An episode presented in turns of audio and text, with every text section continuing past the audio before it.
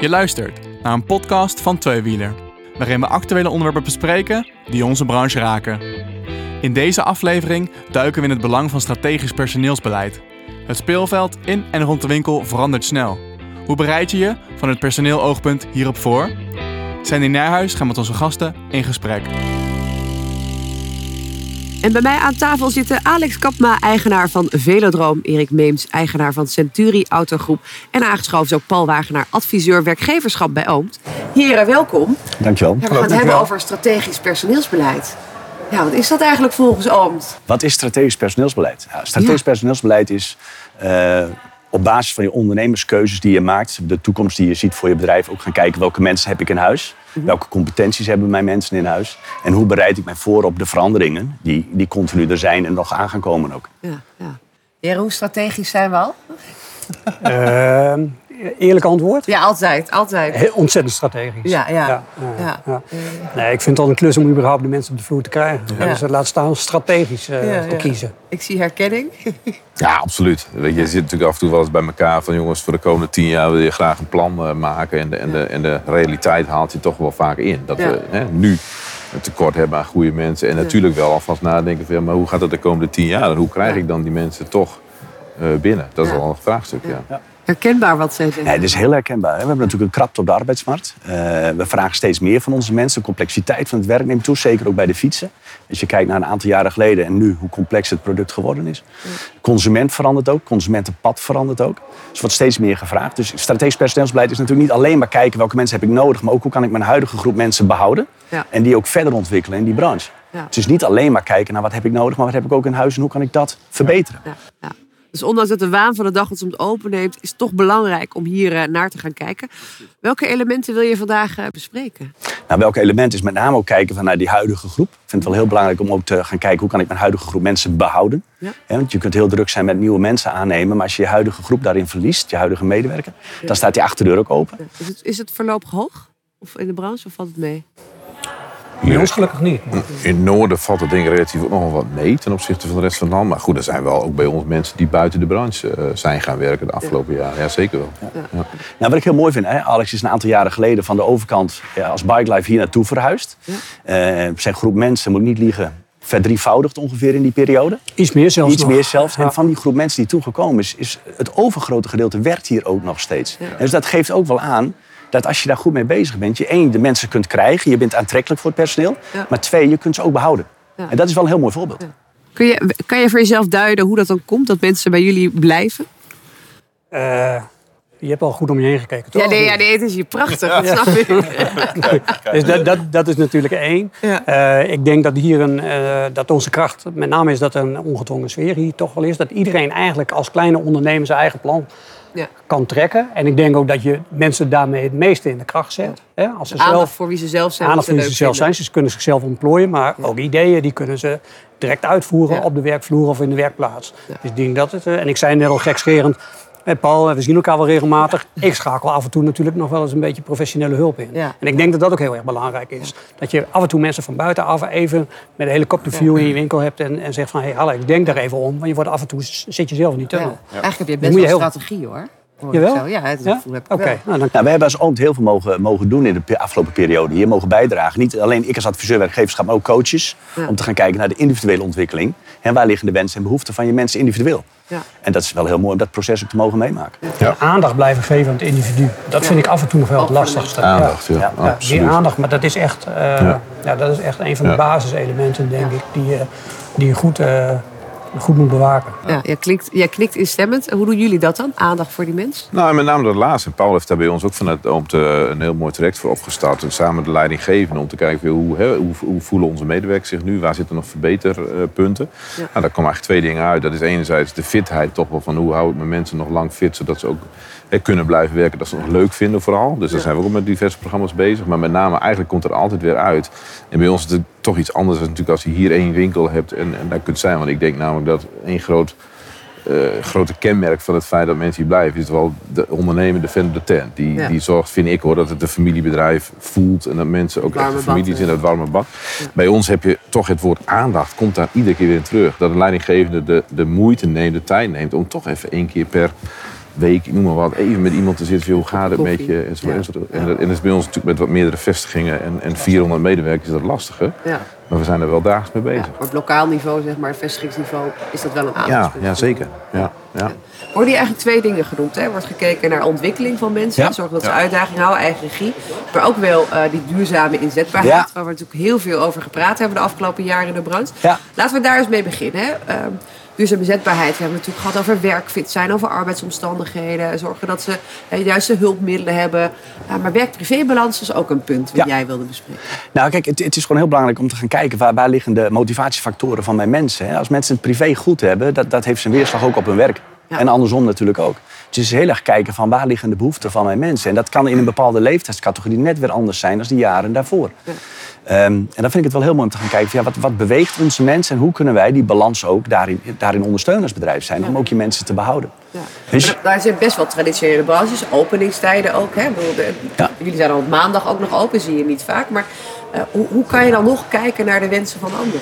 Nou, je kunt natuurlijk heel erg kijken. één naar, is, is zijn openingstijden ook werktijden? Hè? Ja. Als je goed kijkt naar de fietsenbranche, dan denk ik dat 90% van de werktijden vinden plaats binnen de openingstijden. Ja. Is dat altijd nodig, ja of nee? Is dat altijd nodig, Alex? Dat is niet altijd nodig. Nee. Nee, met name werkplaatsen. Nee, niet omdat wij zijn al ook ik, eh, maandag ook al Ja, geopend. ja. Maar ik kan me best voorstellen dat wanneer je maandag gesloten bent en je zegt van hé, maar die werkplaats. En ik, er is nu een enorme druk in de werkplaats. Ja. Maar toch zijn de meeste winkels nog maandags gesloten. Dan kun je bijna ook niet meer verkopen aan de consument. Nee. Door- werk dan maandag even door. eh, bijvoorbeeld. En al doe je dat bij een gesloten werkplaats. Hè? Bij een gesloten winkel bedoel Ja, ik. dat- hè? dat Dat je de werkplaats wel werkplaats werkt. wel door. Dat maar, kan. dan, maar dan neem je weg, wij hebben best wel moeite om dat personeel eh, gezien, die, die bezetting, om dat goed rond te krijgen. Ja. Maar stelt iemand zegt, joh Alex, met mijn gezin is het makkelijker dat ik hier gewoon om half zeven ben.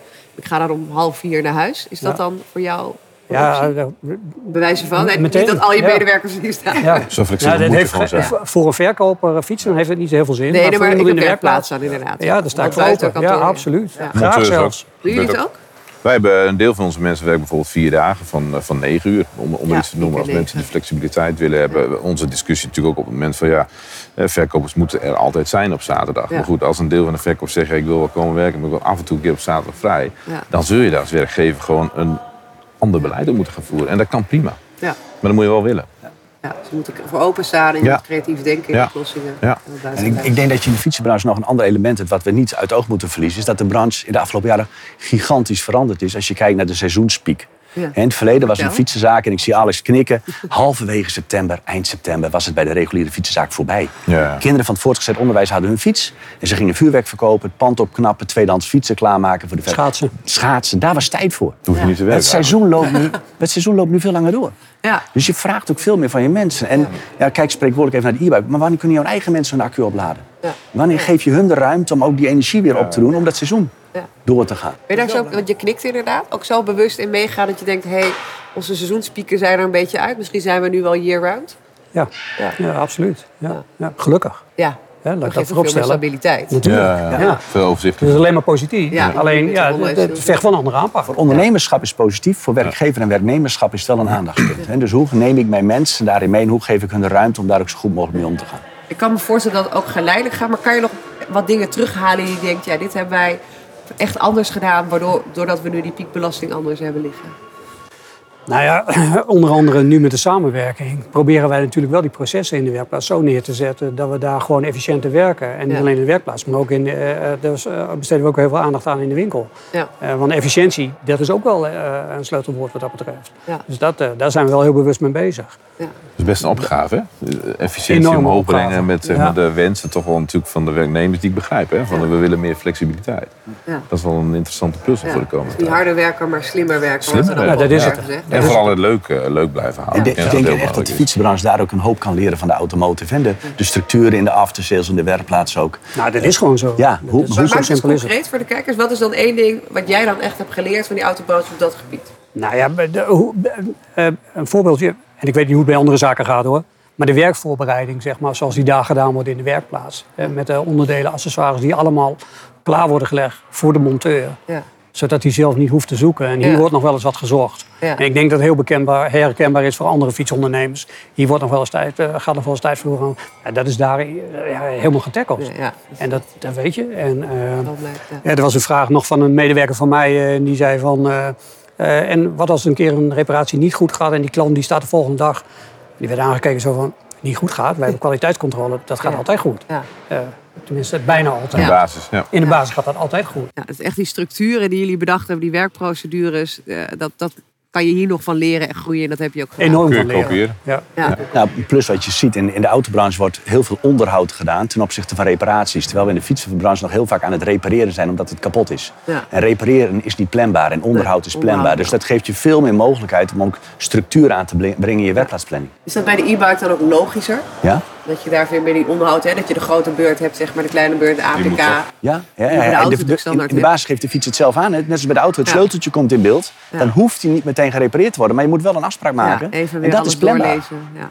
Ja. En die structuur, en dat geeft ook veel meer rust. En structuur en rust, dat geeft veel meer werkplezier voor die mensen. Ja, ja, duidelijk. Dat is die werk-privébalans. Laten we ook eens kijken naar ehm, wat voor type mensen zoek je dan eigenlijk voor de toekomst. Want jij hebt geroepen, eh, Paul, de helft van de vacatures in de fietsbranche is overbodig. Nou, dit- ik heb dat ooit eens gekscherend geroepen, ja. ja. En, Nee, dat onthouden wij graag. en een van de dingen eh, wordt hier natuurlijk al genoemd. Ik denk als wij naar onze huidige groep mensen kijken... en, en eens anders gaan denken dan dat we altijd gedaan hebben... en meer gaan denken over structuren en voorbereiden van werk... uren anders inzetten, dus niet alleen openingstijden en werktijden, dat soort dingen...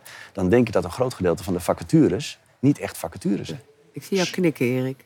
Nou, ik zit er door te denken van, kijk, uiteindelijk, je vraagt ook welk type mens moet je dan hebben. Je, je moet, of moet, maar in ieder geval, wat, wat Paul zegt, we zullen moeten kijken naar efficiëntie, zorgen dat we slimmer gaan werken, dat het ook vooral heel erg eh, leuk blijft. En, Ja. ik, en ik vind ook wel, even aan de voorkant, wij, wij kunnen nog veel beter, zowel in de auto's als in de fietsenbranche, onszelf verkopen aan, zeg maar, toekomstige medewerkers, wat wij eigenlijk doen. Ja. Want Ja. Vorige week hadden we nog wat kinderen van een basisschool op bezoek. Die hebben natuurlijk helemaal geen flauw idee dat het bij ons best heel leuk is. Ja. En dat je niet per se eh, altijd vieze handen krijgt Ja, om iets te noemen. En die roepen van ja, maar maak dan even een filmpje van een minuut Ja. maximaal. En laat even zien kijken. hoe mooi, je, eh, hè, hoe Ja. mooi het is om dat werk te doen wat jullie Ja. doen. En daar kunnen wij denk ik aan de voorkant. Absoluut. Maar dan moeten we wel nu mee aan de slag. Ja. Over strategie Toch dat gesproken. strategie eh, Ja. komt. Ja, gewoon ook echt maak, maak, het- maak het ik werk interessant. in de Ja, fietsenzaak is dat nog extremer, denk ik. Ik denk dat, Wat zei je, Anne? Ik denk dat in de fietsenzaak nog extremer is. Ja, en heb jij Ja. nog het voordeel dat je heel, een heel groot sportief segment Ja, dat hebt. Waar heel veel Dat klopt. mensen op afkomen die ook als Klopt. hobby of als professie het fietsen hebben. dat en daar ook graag in willen werken. Passie. Die passie. Iedereen die bij mij werkt, die heeft ook iets met de fiets. Of Die is klant geweest bij mij en uiteindelijk Ja. Ja, Ja, dat is zo eh, leuk. bij, ja. bij mij eh, komen werken. Of het zijn mensen die uit hobby of wielrenner zijn geweest. Of, Ja, of ja. altijd sportief hebben gefietst. Jouw vraag was net, hè, wat, wat voor mensen hebben we nodig? Ja. Ik denk in de basis dat het allerbelangrijkste wat we nodig hebben... zijn gemotiveerde mensen om in deze branche te gaan werken. Mhm. Hè, Ik denk mensen dingen aanleren is makkelijker dan mensen motiveren. En de instroom in de fietsenbranche is groter dan de uitstroom. Dat is de verwachting ook voor de toekomst. Alleen wel heel erg veel mensen ongeschoold Ja. in dit vakgebied. Ja. Als die mensen bereid zijn om zich te ontwikkelen, te leren... en we gaan ze als ondernemers ook daarin begeleiden... en ook vanuit Oomt daarin eh, bijdragen... Ja, dan, dan, dan kunnen we goede mensen krijgen voor de branche. Je kent dat natuurlijk vanuit de automotive. Wij hebben inmiddels natuurlijk ook wel mensen van de hotelschool Ja. aan het werk als, als receptionist of serviceadviseur. Ja. Inhoudelijk hebben ze dan nog geen kennis. Maar dat is gaat aan te leren. Ja, dat is aan te leren. Ja, zit bepaalde drive. competentie van gasvrijheid zit daar wel in. Zit daarin. Dus je moet anders de kijken. goed, die moet gewoon anders kijken. Ja. Die banen veranderen echt. En de zaterdag blijft bij ons toch echt wel een probleem. Eh, mensen eh, bereid zijn om op zaterdag te werken. Dat is wel echt wel lastig. Ja. Terwijl het wel de belangrijkste dag is voor Ja, en daarin zie je ook, heel mooi dat je dat zegt, maar ook daarin kan de fietsenbranche wel iets doen. Je ziet nu nog heel veel fietsenzaken die gewoon niet op afspraak nieuwe fietsen afleveren. Dus wat komt die consument doen? Die komen allemaal op zaterdag een nieuwe fiets Ja, ophalen. Terwijl je dan net een personeelstekort hebt. Ja. Of, hè, en dan probeer dat meer in in de week. Ja, planning, ja. stuur dat meer. Dat je die momenten niet op zaterdag hebt, maar dan door de week. Bijvoorbeeld. Ja. Ja, en, en in coronatijd was iedereen zo blij, alles was op afspraak. Wat rust gaf het, hè? Ja, ja, dat was heel gestructureerd. en, en het eh. is voorbij. En we, en we zijn het Ja. allemaal weer vergeten, hè? Terwijl er we best een gedeelte, gedeelte daarvan kunnen terugpakken. Ja. Kijk, dat hebben we dan weer geleerd hè, vanuit strategisch personeelsbeleid. Het is in de waan van de dag soms lastig om dat overeind te houden. Maar neem soms eens een moment om daar stil te blijven staan. Wie zijn mijn mensen? Heb ik voldoende aandacht voor ze? Kunnen ze zich nog ontwikkelen en hoe gaan we dat doen? Want ja, welke mensen hebben we over tien jaar nodig nu onze branche zo veranderd is, maar ook nog steeds gaat veranderen? Want die werk-privébalans is belangrijk. Dus afwijkende openingstijden of werktijden, daar kun je nog eens naar gaan kijken. Maar vooral is het een branche waar heel veel mensen met vakpassie bij elkaar komen en eh, mooie stappen zetten voor de toekomst. Heren, dank je wel voor dit gesprek. Alex, Erik en Paul, dank jullie wel. Bedankt voor het luisteren naar deze podcast van Tweewieler. Wil je meer te weten komen over interessante onderwerpen binnen de branche? Ga dan naar tweewieler.nl. Tot de volgende keer.